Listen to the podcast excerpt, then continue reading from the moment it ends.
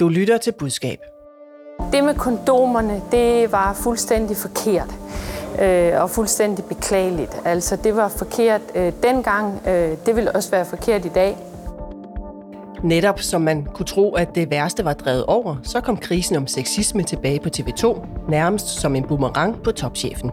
TV2's direktør har delt kondomer ud på et seminar tilbage i 2017. Hvad betyder den nye sag for Anne Engdahl Stig Christensen? Kan man blive ved med at beklage og undskylde? Og er der snart flere topchefer, der bør trække sig? Velkommen til Budskab, Fagbladet Journalistens nyhedsmagasin om kommunikation, hvor vi også ser nærmere på, om der stadig er nogen, der bruger en travl nyhedsdag til at luske dårlige nyheder ud. Mit navn er Line Erndlund. Henrik Kjermgaard, hvor mange gange kan man troværdigt sige undskyld for det samme? Puh, ja. ja øh, personligt synes jeg ikke så mange gange. Øh, men det er jo altid op til modtagerne undskyldningen at vurdere, og hvis modtageren synes, at undskyldningen er oprigtig, og personen mener det, så kan du slippe afsted med det mange gange. Velkommen. Du er stifter af White Cloud og tidligere rådgiver for de radikale, som Margrethe Vestager. Michael Baden, du får samme spørgsmål. Hvor mange gange kan man sige undskyld for det samme? Det kommer helt an på, øh, hvordan man siger undskyld, og hvad man siger undskyld for. Så det er simpelthen fra sag til sag. I får lov til at uddybe senere. Velkommen. Du er stifter af byrået Friday, hvor du også er administrerende direktør. Vi begynder et andet sted end sexisme. Vi begynder med denne nyhed, som de fleste af os nok hørte i mandags. Jeg er meget, meget overrasket øh, over den her dom. Øh, og, øh, og det er sådan set øh, det eneste scenarie, jeg ikke havde øh, sådan rigtig forberedt mig på, fordi jeg mente, det var fuldstændig urealistisk. Men øh, det er der, vi er, og, øh, og jeg tager min øh, straf. Ja, Inger Støjberg blev idømt to måneders fængsel af rigsretten for at bryde loven som minister.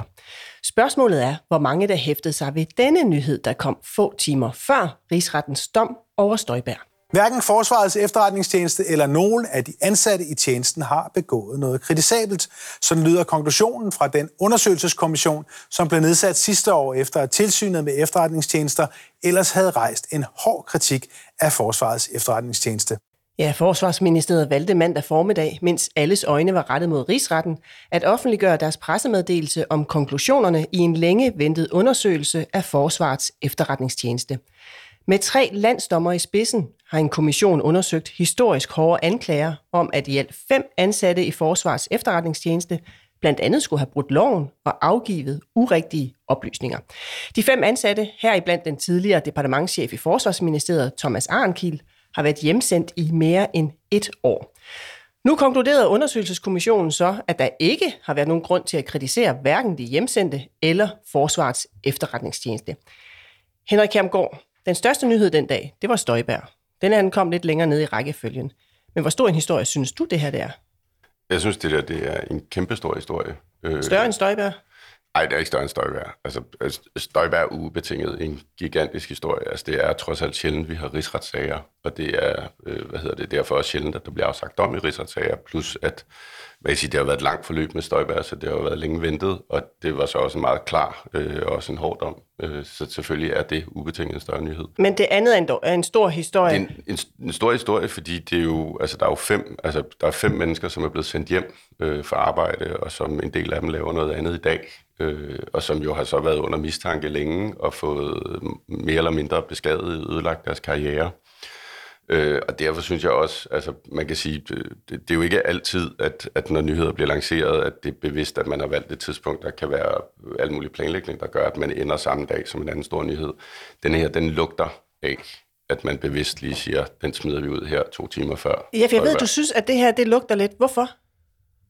Fordi man, altså man kan sige, det er jo, altså man kan selvfølgelig omvendt sige, altså der er jo ikke nogen af os, der ved, hvornår har de fået, hvornår har Forsvarsministeriet modtaget afgørelsen. Jamen det ved jeg så, for det kan jeg fortælle dig. Ja. Vi har været i kontakt med presseafdelingerne i øh, både Forsvarsministeriet og Justitsministeriet, der klart afviser din mistanke om, at det lugter lidt.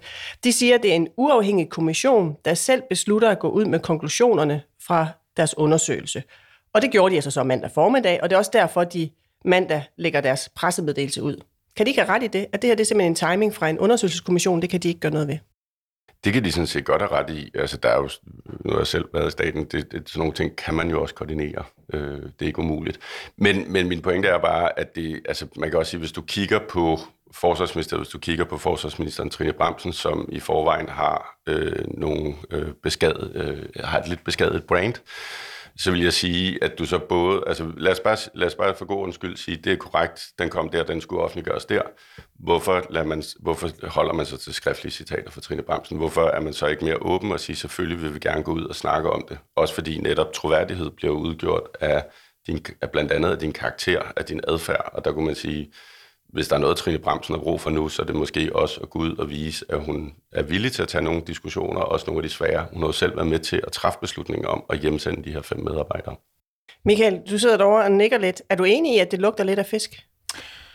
Jamen, det ser da mærkeligt ud. Øhm, jeg er ikke helt øh, sikker på, om jeg ved, om Henrik tror, at det her det er planlagt eller ikke er planlagt. Det kan du spørge om, om bagefter. Altså, du tænker, han ved det, eller hvad? Nej, nej, men altså, jeg ved ikke. Altså, tror du det, Henrik? Det tror jeg. Jeg, jeg synes, den er for tyk. Mm. Og jeg synes, den er en lille smule kujonagtig. Ja, det må du lige uddybe, ja. det med kujon. Hvorfor er det kujonagtigt? Jamen, jeg synes grundlæggende, at, at, at man kan sige igen det her med, at, at, at hvis man går tilbage og siger, at din troværdighed bliver grundlæggende udgjort af din velvilje, din viden og din karakter. Og der skal du også tænke over i sådan nogle sager, især når du er minister, eller hvis du er mediechef. Vil du så have en karakter, hvor du er sådan en, der går og gemmer dig?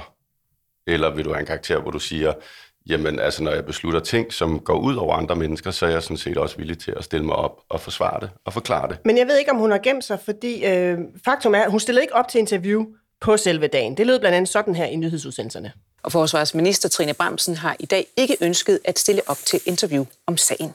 Der er jo heller ikke nogen øh, ansvarlige minister, der har ville sige noget i dag. Og vi har forsøgt at få et interview med forsvarsminister Trine Bremsen i dag, men det har ikke været muligt. Hun har ikke ville stille op øh, til interview om sagen.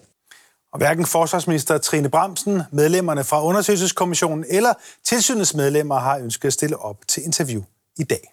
Ja, hun stillede ikke op i mandags på selve sagen, men vi har så fået oplyst, at hun udtalte sig om sagen tirsdag til både DR og TV2 i forbindelse med nogle andre interviews, hun skulle give. Der kom der så også nogle spørgsmål til det her. Er det at gemme sig, synes du, øh, Michael Baden?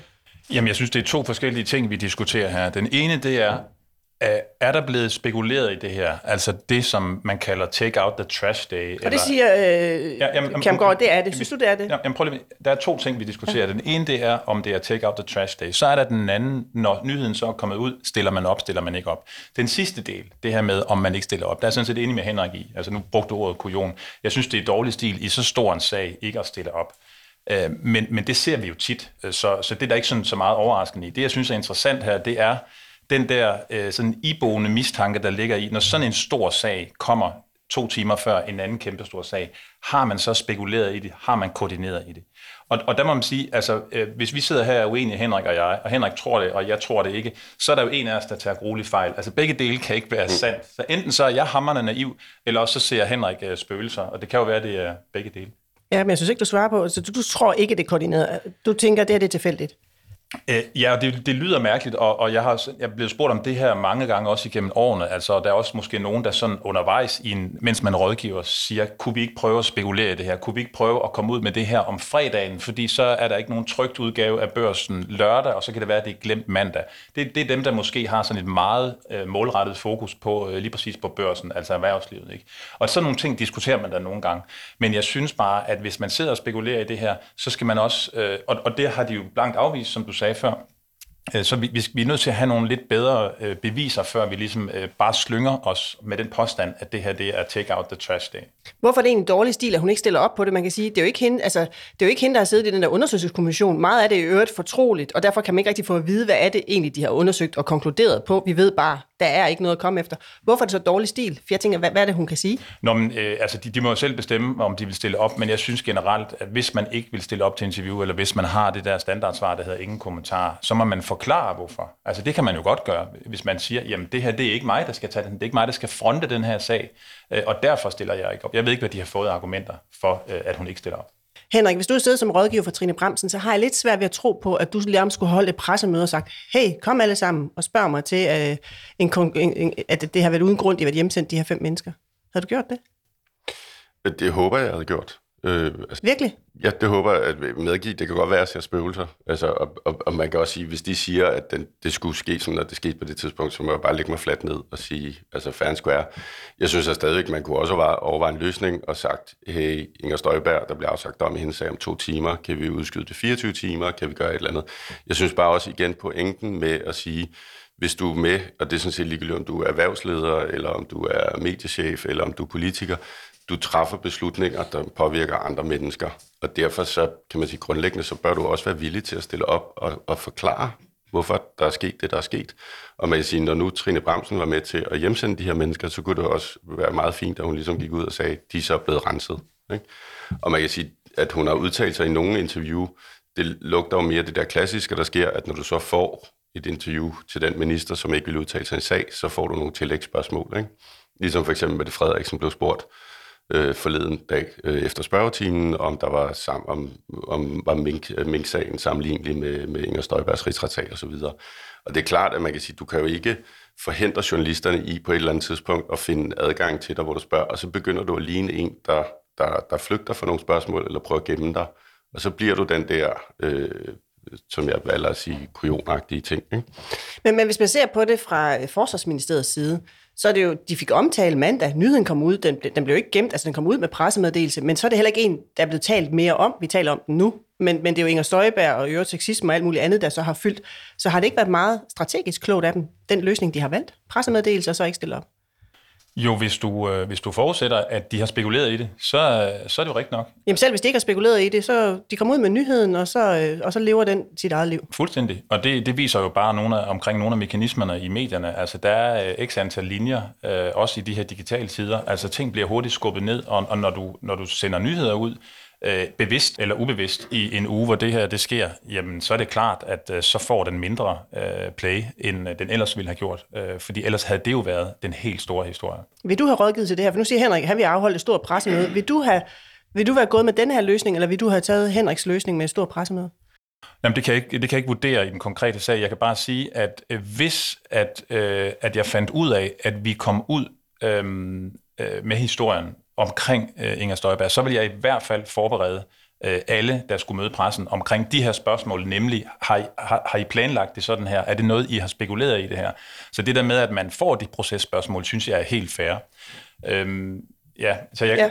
ja. Men, men øh, det her take out the trash, nu sidder vi og taler om det, at det betyder jo, at man går ud med det, man læser de dårlige nyheder ud på en dag, hvor der sker noget stort, og alles øjne er rettet mod noget andet.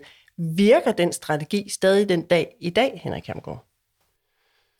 Altså, det gør den jo helt sikkert, fordi det er klart, at du kan, hvis du vil, øh, time offentliggørelsen af ting øh, efter tidspunkter, hvor du ved, for eksempel sent øh, fredag, øh, eller du ved, der kommer andre store nyheder, så, så det kommer til at fylde mindre i mediebilledet. Ligeså vel som du nogle gange også vil med nyheder, hvor du tænker, dem vil jeg gerne have for rigtig meget opmærksomhed. Og så har du sådan set for eksempel ikke lyst til, at det ender i lørdagsavisen, fordi du ved, i lørdagsavisen er sådan en, hvor, der, hvor lørdag, folk er ikke så meget i medierne lørdag, de læser ikke så meget avis, de ser ikke så meget tv, plus der er sådan en tendens til, at lørdagshistorier ikke rigtig bliver fuldt op på, fordi de ligger i weekenden. Men min pointe med Trine, det er sådan set, at du kan også sidde og rådgive folk og sige, i virkeligheden vil det styrke dit brand, i virkeligheden vil det styrke øh, din autoritet, at du også er modig og tør stille op til sådan nogle interview. Og der er min pointe bare at sige, at der vil jeg sige som kommunikationsrådgiver, at det har en af Trine Bremsen er en af dem, der har brug for det. Hun har haft mange dårlige sager. Hun har sådan lidt et rygte for, at hun, hun gemmer sig lidt og så videre, eller hun øh, svarer lidt arrogant, eller, eller, eller ikke rigtig gider svare, eller ikke gider diskutere de svære ting. Men synes du da, det her det er en god sag for hende? Nej, men, det, men, men du kan også få point for at være modig. Altså lidt ligesom, hvis du nu giver dine børn en dårlig julegave, ikke? og så når de og siger, ej, det er med en dårlig julegave, mor, og så løber du op og gemmer dig på første sag. Altså, det vil også være fuldstændig mærkeligt. Ikke? Du kan også sige til dem, jamen prøv at høre, jeg synes, du skal have nogle sokker i år, for der er huller i alle dine sokker. Ikke? Ja, der vil jeg lige notere mig til juleaften med, med Michael Baden. Øhm, jeg ved, du har på et tidspunkt været mistænkt for Take Out the Trash, hvor det faktisk... Michael du Baden siger, har været det, mistænkt for meget. Ja, ja, hvor han så siger, det var det altså ikke. Kan du ikke lige prøve... Ej, lad os lige sige, det var tilbage til patient 0. Vi husker det måske ja. alle sammen. Det er corona faktisk snart to år siden. Øhm, lad os lige høre, hvad der foregik i nyhederne februar 2020. Vi er land nummer 15 i Europa, som får konstateret en person med coronavirus. Jeg kan oplyse, at den smittede er en mand, der sammen med sin familie blev testet i går på Sjællands Universitetshospital i Roskilde, fordi de havde haft hoste og feber efter en skiferie i Italien. Ja, der er så sket meget med corona siden. Men den dag, hvad var det, du oplevede? Jamen, en gang imellem, og det her det er jo sådan øh, knap to år siden, ikke, som de fleste sikkert kan huske med den første coronapatient. Øhm, I dagene op til der, øhm, der var jeg inde i en sag, hvor en øh, virksomhed, øh, en meget kendt virksomhed, skulle ud og øh, nedlægge, øh, jeg tror det var 400 øh, stillinger. Og, og af til er vi ind, som rådgiver inde i sådan en sag, hvor man ligesom går ind og hjælper dem med at sige, hvordan tilrettelægger man bedst muligt det her. Og det har ikke noget at gøre med spin eller finde ud af, hvordan og hvorledes den skal sniges ud på nogen som helst måde. Det handler om, at det er en meget stor operation, der er kompleks, og øh, når man skal afskede 400 mennesker, og når man skal kommunikere det, der er utrolig mange processer internt. Der er nogle talspersoner, som øh, skal kunne fortælle den her historie på en måde, så den både er præcis, øh, og direkte, men så man også har den øh, nødvendige empati, der skal til, når man desværre skal nedlægge øh, 400 stillinger.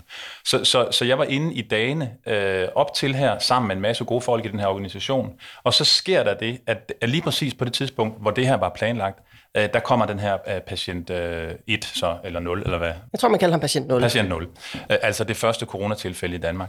Og så ser jeg bare øh, den dag en, øh, en øh, vært på øh, TV2, øh, som nu er på DR, som bare lige tweeter, øh, øh, take out the trash day. Altså om din nyhed. Ja, lige præcis. Og der kan man så sige, jamen det er jo ikke noget, der bliver en stor sag eller noget, og det er jo, ikke, det er jo noget, man sådan bare ryster på skuldrene over. Men, men bare det, at man øh, bliver mistænkeliggjort omkring det der, at det, når, det var nok lige øh, betimeligt, at den dag patient, patient 0 kommer, så afskeder man lige 400 mennesker. Og når man tænker sådan lidt nærmere over det, så er det sådan lidt en gakkelagt påstand at tro, at man ligger og spekulerer i sådan noget. Så jeg siger bare, det er meget, meget nemt, sådan som meningsdanner, lige at slynge den her ud. Nå, det var nok en god, dag at begra- øh, en god dag at begrave nogle dårlige nyheder. Men hvad gør man så, hvis man bliver mistænkt for det, ligesom Forsvarsministeriet nu bliver mistænkt for det? Hvad, hvad, hvad, hvad, hvad gør man ved det? Jamen altså, I har jo spurgt, som du sagde før, ikke? Altså, så må man jo øh, øh, sige, at det, det har ikke noget på sig.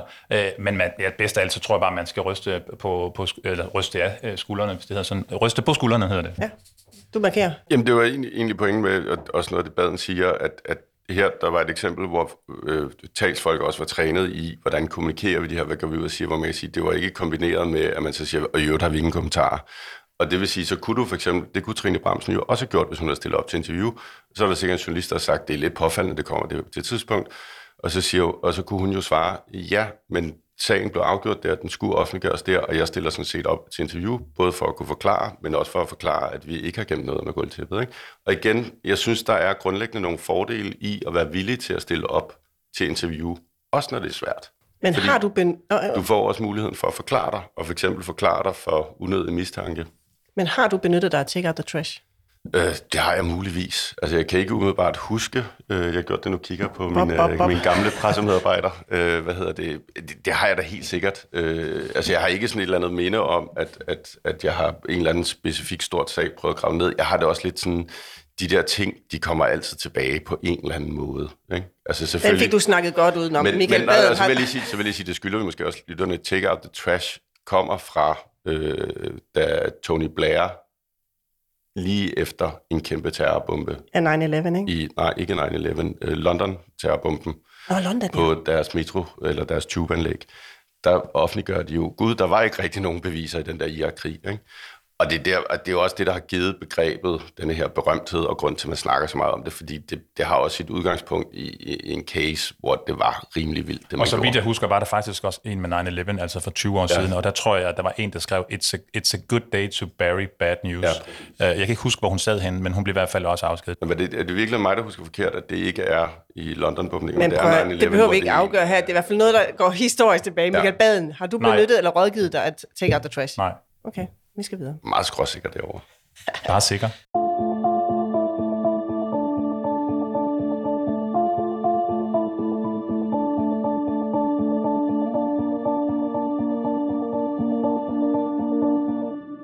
Og jeg vil faktisk sige, jeg troede, vi var færdige med at tale MeToo frem mod jul, fordi vi har talt om det de sidste par gange, men det er vi så ikke. For TV2's krise blussede pludseligt op igen i forgårs, nemlig tirsdag.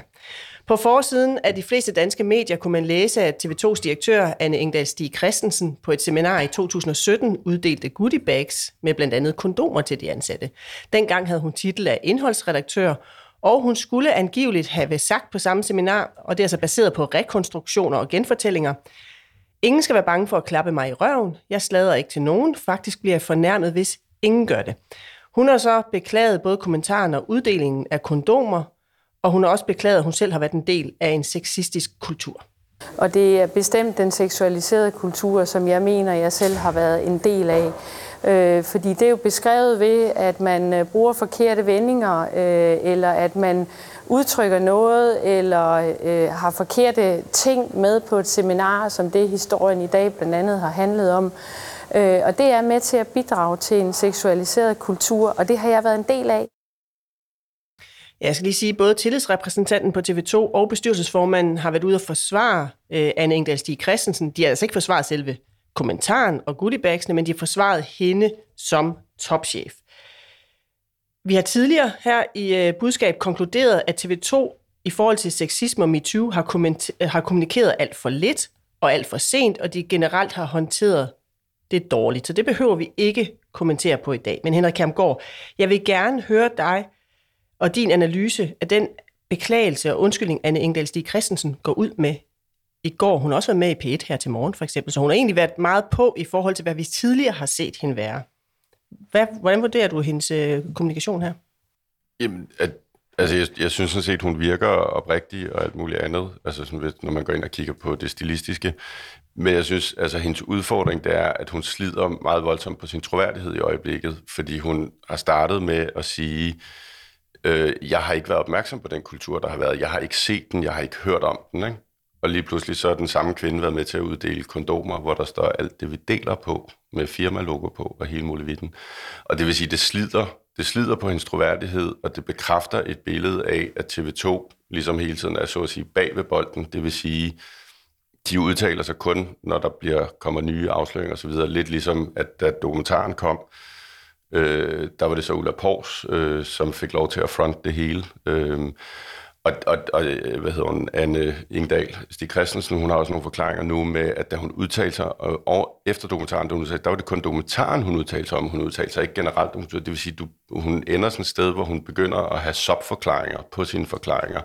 Det slider på hendes troværdighed.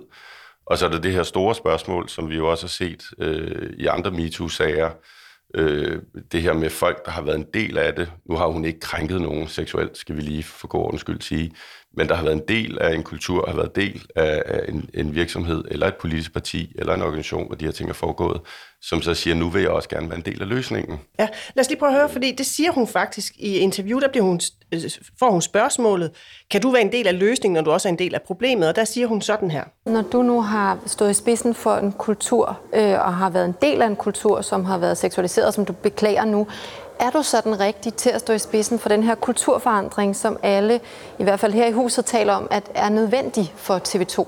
Det øh, står øverst på min øh, ledelsesdagsorden, at vi skal simpelthen have ændret den her kultur. Er der ting, at jeg også selv skal ændre i forløbet? Selvfølgelig er der det.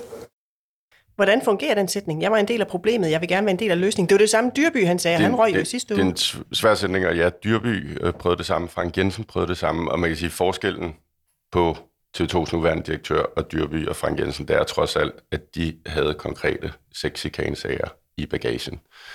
Øh, hvad hedder det? Så derfor så, så det godt være, at, øh, at vi også om et år og to år ser, at øh, det er Anne Ingdahl Stig Christensen, der er direktør på TV2. Øh, det kræver enten hende selv eller bestyrelsen, der ligesom afsætter hende.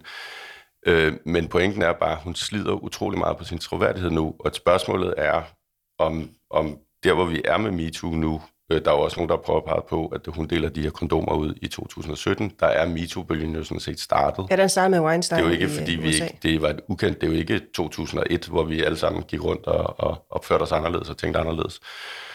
Så jeg tror, at det, der, det vi også ser, der sker, det er, at vi i virkeligheden, fordi moralen løbende ændrer sig, det er jo det, der sker i hele MeToo-bevægelsen, det er, at, at der er sådan en samfundsmæssig moral, der er under forandring, og det vil sige, at det vil også stille andre krav til de løsninger, som de her mennesker, der har været involveret, eller skal rydde op, øh, præsenteres for. Og derfor tror jeg, at, og jeg medgiver gerne, at hvis der var en, der havde ringet til mig for to måneder siden, Dyrby eller Anne Ingedal eller en anden, så ville jeg også nok have sagt, okay, jamen du skal undskylde, og så skal du kæmpe dig igennem, og der dukker sikkert noget mere op, og det må vi løse undervejs. Jeg tror i dag, det vil, vil jeg sige til de her mennesker, du skal måske starte med at overveje at sige, at den måde, du selv slipper bedst igennem med troværdighed i behold, med din fremtidige karriere i behold, med din organisations øh, i behold, det er i virkeligheden, at du siger, jeg kan ikke fortsætte her. Det kan godt være, at jeg ikke har set noget, jeg ikke har gjort noget, men som leder er Vil det være det ansvarlig. råd til hende? Vil det være Det, din, råd, den, det, din det vil det være i dag. Jeg siger bare, det er ikke sikkert, det, altså det er også det der med, at tingene forandrer sig. Altså vi er i sådan en flydende proces, øh, hvad hedder det, at, at det tror jeg ikke, jeg ville have gjort for tre måneder siden, men det vil jeg gøre i dag. Altså man kan sige, jeg brugte Hvorfor vil du gøre det i dag? fordi du kan sige, det her, når, vi, når folk ringer øh, til sådan nogen som mig og Michael øh, og har en krise, eller til vores bureauer, så er vores opgave jo som regel at sige, hvordan kan vi få dem igennem den her krise? Hvordan kan vi få lukket krisen? Hvordan kan vi få dem igennem med, med færrest mulige skader, med størst troværdighed behold, med, med mest muligt af deres brand i behold? Og der kan man sige, hvis man går tilbage og kigger på Christian Friis Bak, som var radikal udviklingsminister i Helle thorning Smiths regering, han trak sig på en meget lille sag. Han havde, han havde fortalt Folketinget, at han havde i hvert fald ikke godkendt, at Lars Løkke måtte flyve på første klasse, når han var til 3G-møder. Det viser så, at Christian havde faktisk skrevet under på en sag, hvor at han var blevet oplyst om, at det var det, Lars Løkke gjorde. Og, og der kan man sige, den kunne han sagtens, vil jeg påstå, og sige, den kunne han godt have fægtet sig ud af. Øh, for større var brøden så heller ikke. Men han vælger at trække sig, og, og, og, og, og, og, der fik han utrolig meget respekt ud af, og der er ikke nogen, der betvivler hans habitus i dag. Han havde også, øh, der gik nogle rygter på ham på et tidspunkt, MeToo, hvor han så går ud og siger, at det har ikke noget på sig osv. Han har bevaret sin troværdighed, han har lidt utrolig lidt skade, plus at hans parti i den situation, Radikale Venstre og hans regering, led utrolig lidt skade.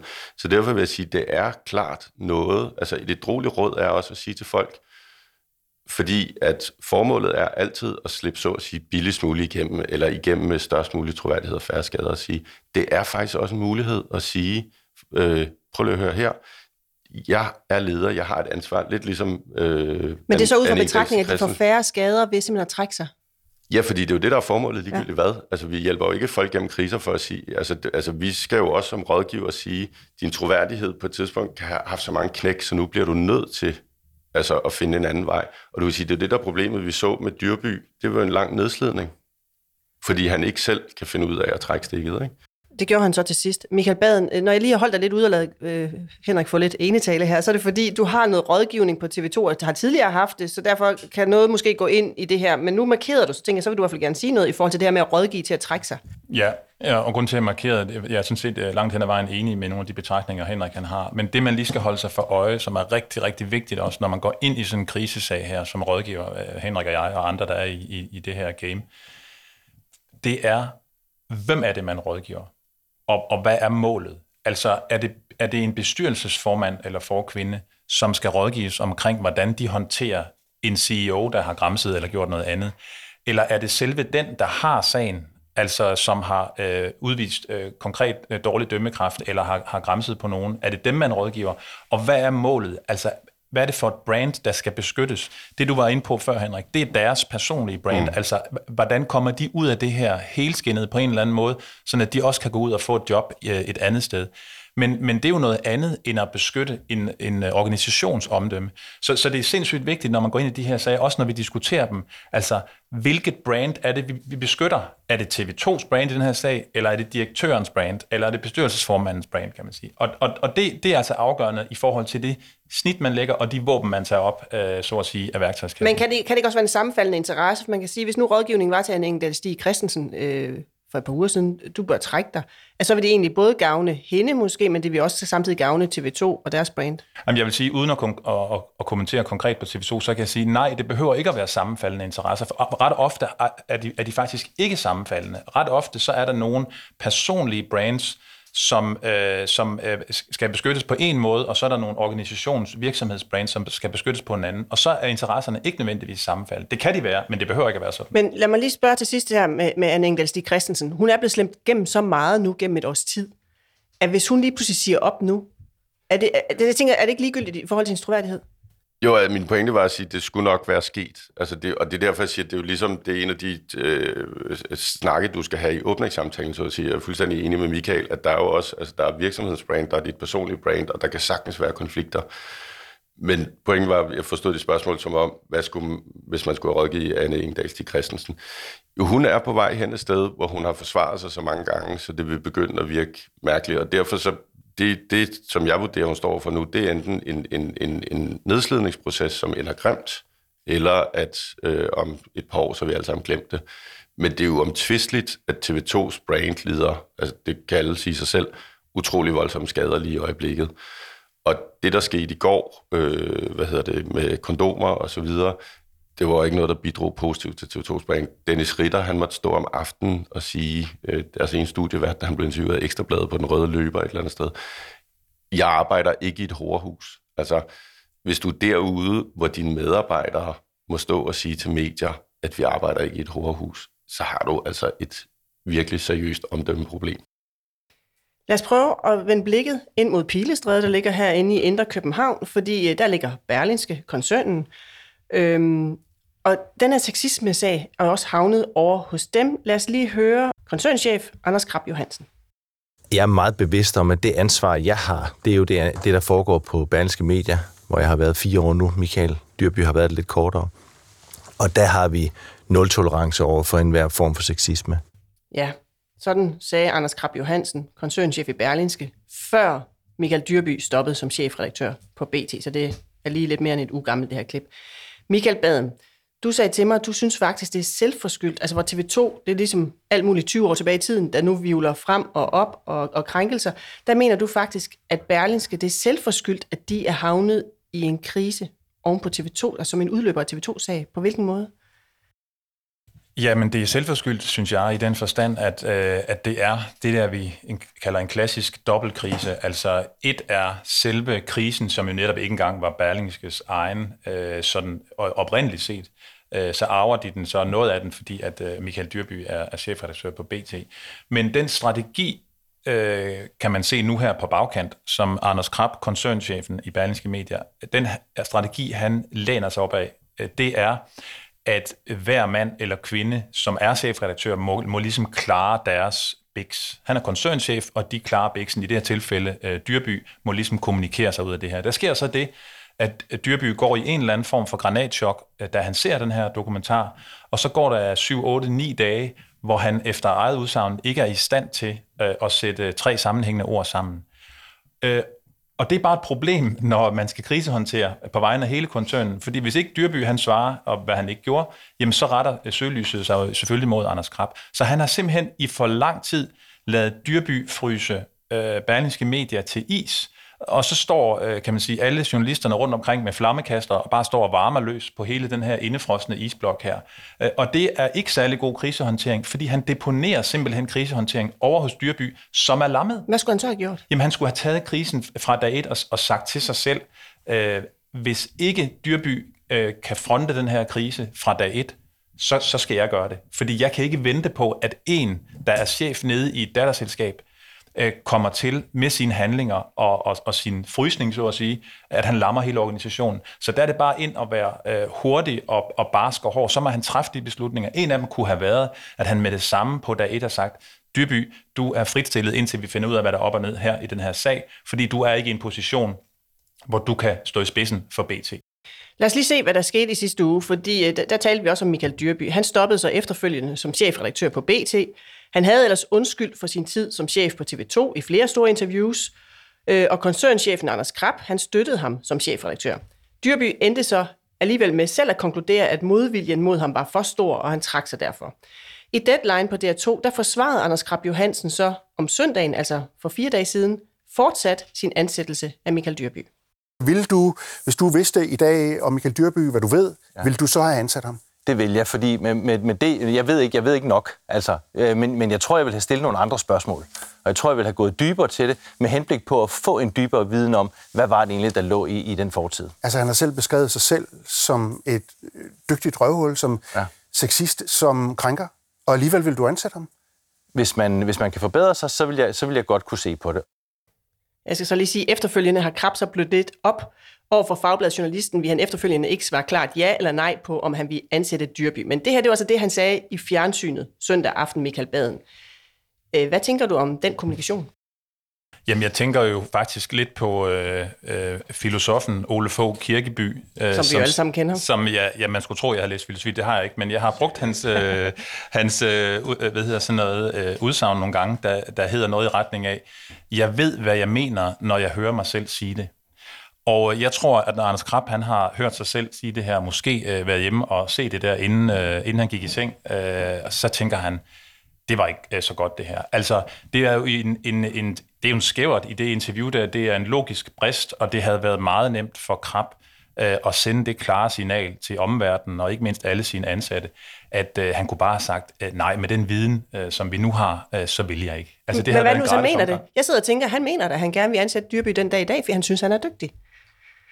Øh, jamen, så, så, har, så er vi tilbage til noget helt grundlæggende øh, i, øh, i det her med, hvor, hvor, hvor altså, kan man så spinde sig ud af det? Kan man tale sig ud af det? Nej, det kan man ikke. Altså, hvis ikke man kan bakke øh, sine øh, hvad skal man sige, værdier op øh, med, nogle klar, med noget klar kommunikation, øh, også i sådan et interview her, så, så bliver det utroværdigt, og så tænker man bare, jamen, er det hele bare sådan en kommunikationsmanøvre? Nej, det er det ikke, og, og det er der, jeg synes, han fejler ret meget, fordi øh, man kan se, at han har faktisk flyttet sig noget undervejs, Anders Krab, i forhold til nogle tidligere interviews, så man, man kan altid sige, at han ikke gjorde det specielt godt i deadline, men han gjorde det i hvert fald bedre end nogle af de foregående interviews, der har været. Øh, Henrik Kjermgaard, jeg synes, du sagde til mig i går, at du egentlig synes, han klarede deadline-interviewet okay. Det er det samme Fastholder som, du det? Nej, det samme som Michael, at han klarede, altså hvis du kigger på, hvad han sagde før deadline-interviewet, så, okay. så er han markant bedre deadline Så det er det bedste af det dårligste, han har lavet? Det er det bedste af det dårligste, ja. tror jeg er den rigtige formulering. Men pointen er også, at det du, altså det du, man skal være meget opmærksom på i sådan nogle sager, det er jo igen, du skal beslutte dig fra starten hvad du vil. Fordi det er jo også det, der sker for Krab, og det er også lidt det, der er sket for TV2, at vi har den der oplevelse af, når, det, når de bliver konfronteret med noget nyt, så, så, så nuancerer de lidt. Ligesom Anders Krab startede med at sige, at vi har nul tolerance over for sexisme. Nu har han så været ude og forklare, at der er nul tolerance over for sexisme, men nul tolerance betyder ikke, at folk bliver fyret. Og så er vi sådan lidt, okay, det er sådan, vi skal ud og definere, hvad nul.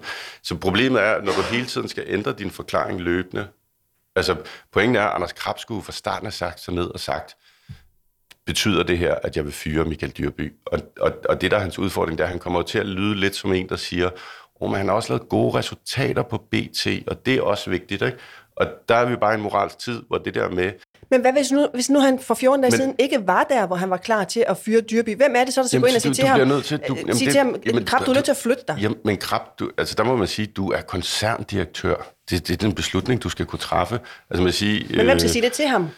Jamen, det skal hans rådgiver lade, men du kan sige, da, da, vi var, da jeg arbejdede for Margrethe Vestager i Helle Thornings efterhånden berømte regering, da Manus Saren, han havde engang skrevet en børnebog, hvor han havde lovet, at for hver eksemplar, der blev solgt af den her børnebog, så ville han give nogle penge til nogle fattige børn i Indien. Det havde han glemt. Det afslørede BT. Og før jeg går over og snakker med Manu, så spørger jeg Margrethe, fordi det her det kommer til at ende med, at du skal stå et eller andet sted og sige, har du tillid til Manu? Hvad vil du gøre? Alt muligt. Du bliver nødt til at beslutte dig nu. Fyrer du ham, eller har du tillid til ham? Hvor vi så beslutter, hvor hun siger, hvis han betaler, hvis han får fikset det der problem, ASAP, så er jeg selvfølgelig tillid til ham. Ikke? Og, det, og det, den beslutning bliver du nødt til at træffe, fordi ellers så ender du med at skøjte rundt. Michael, du markerer. Jeg markerer, fordi igen, øh, vi, ingen af os har været på sådan rigtig på indersiden af, af Berlingske historien her, men, og, og jeg ved ikke, hvad der, hvad der er foregået mellem, øh, mellem Anders Krab i koncernledelsen og så i Berlingske Medias bestyrelse. Det, der bare er pudsigt, det er, at her i sommeren 21, øh, altså for få måneder siden, øh, Øh, der udskiftede man jo hele øh, Berlingskes bestyrelse, fordi der lavede nogle, man lavede nogle ejerskifteændringer. Og det betød, at for eksempel Connie Hedegaard øh, gik ud af bestyrelsen, hun var formand, og to andre øh, danske toperhvervsfolk, som er øh, chefer i store øh, internationale virksomheder. Og nu har man lavet en ren intern bestyrelse, som består af ejerne, altså belgiske og hollandske personer. Jeg kender dem ikke, jeg ved ikke, hvem det er, men det er uheldigt at have sådan en stor krise her, øh, og så være koncernchef og have en så ny bestyrelse, øh, som ikke nødvendigvis forstår det landskab, øh, altså man lige er i, og den øh, nation, øh, i det her tilfælde Danmark, øh, som de gør forretninger i. Så spørgsmålet er, om Anders Krab simpelthen ikke har haft den der bestyrelsessparing, som der skal være, og den opbakning fra bestyrelsen. Jeg ved, der er nogle journalister, der har forsøgt at få fat i nogle af bestyrelses- øh, eller talspersonerne fra den her koncern, der ejer Berlingske Medier.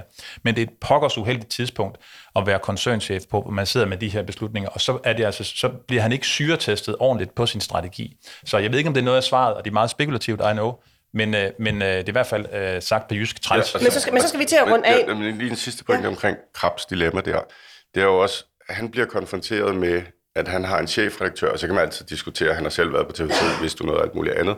Men de facto, så kan man sige, det svarer til, du har en leder i en virksomhed, hvor du lige pludselig får at vide, at den virksomhed, han kom fra, og der kan man så sige, at Dyrbys tilfælde, hans afgang fra TV2, man burde måske have vidst noget. Men de facto, han har haft nogle krænkelsesager i den virksomhed.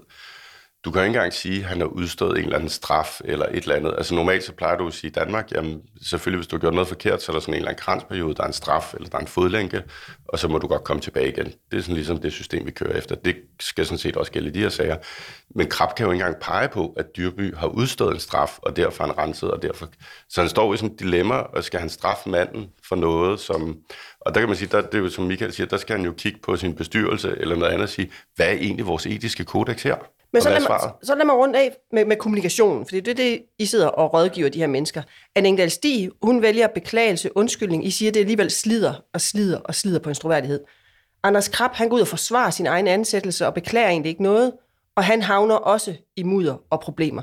Så, så hvad er det, de her mennesker, hvad er det gode råd til de her mennesker, Michael Baden? Jamen, jeg synes ikke, man kan lave universelle råd omkring de her sager, fordi de er øh, så væsensforskellige. Og som jeg sagde tidligere, det kommer jo utrolig meget an på, øh, hvem er det, der har krænket, og på hvilken måde, og hvordan er det blevet håndteret. Men hvad kan man lære af det, vil jeg gerne prøve at sætte et par ord på. Det er de her MeToo-sager, og det synes jeg, alle sagerne har vist, de havner altid på den øverste chefsbord øh, meget, meget hurtigt. Og hvis man altså lægger en strategi, hvor man ligesom vil have nogle af løjtnanterne nede i sin organisation til at håndtere de her sager, eller sige, den parkerer vi over i HR-afdelingen, det er en rigtig, rigtig dårlig strategi. Og det, er der- det er derfor, det bliver så svære, det er, at, at koncerncheferne, CEO'en og hvad de hedder alle sammen, topcheferne, de skal øh, vende sig til nu her, at de her MeToo-sager, selvom de starter helt nede i en underafdeling af et datterselskab, så skal de lynhurtigt ture og omfavne de her sager, og så sige, hvad har vi, hvad er der sket her, hvad har, hvad har vi gjort, hvad skal vi gøre af ændringer fremad, og så håndtere meget, meget hurtigt, og man kan næsten sige brutalt på de her sager. Så, så det er ikke så meget kommunikationen, det er mere de handlinger, man gør, øh, som, som afgør, om du kommer godt igennem de her sager. Michael Baden, du er stifter af byrådet Friday, også administrerende direktør. Tusind tak for dagens gode råd, og også tak til dig, her, Henrik Kermgaard. Du er stifter af White Cloud og tidligere rådgiver for Margrethe Vestager.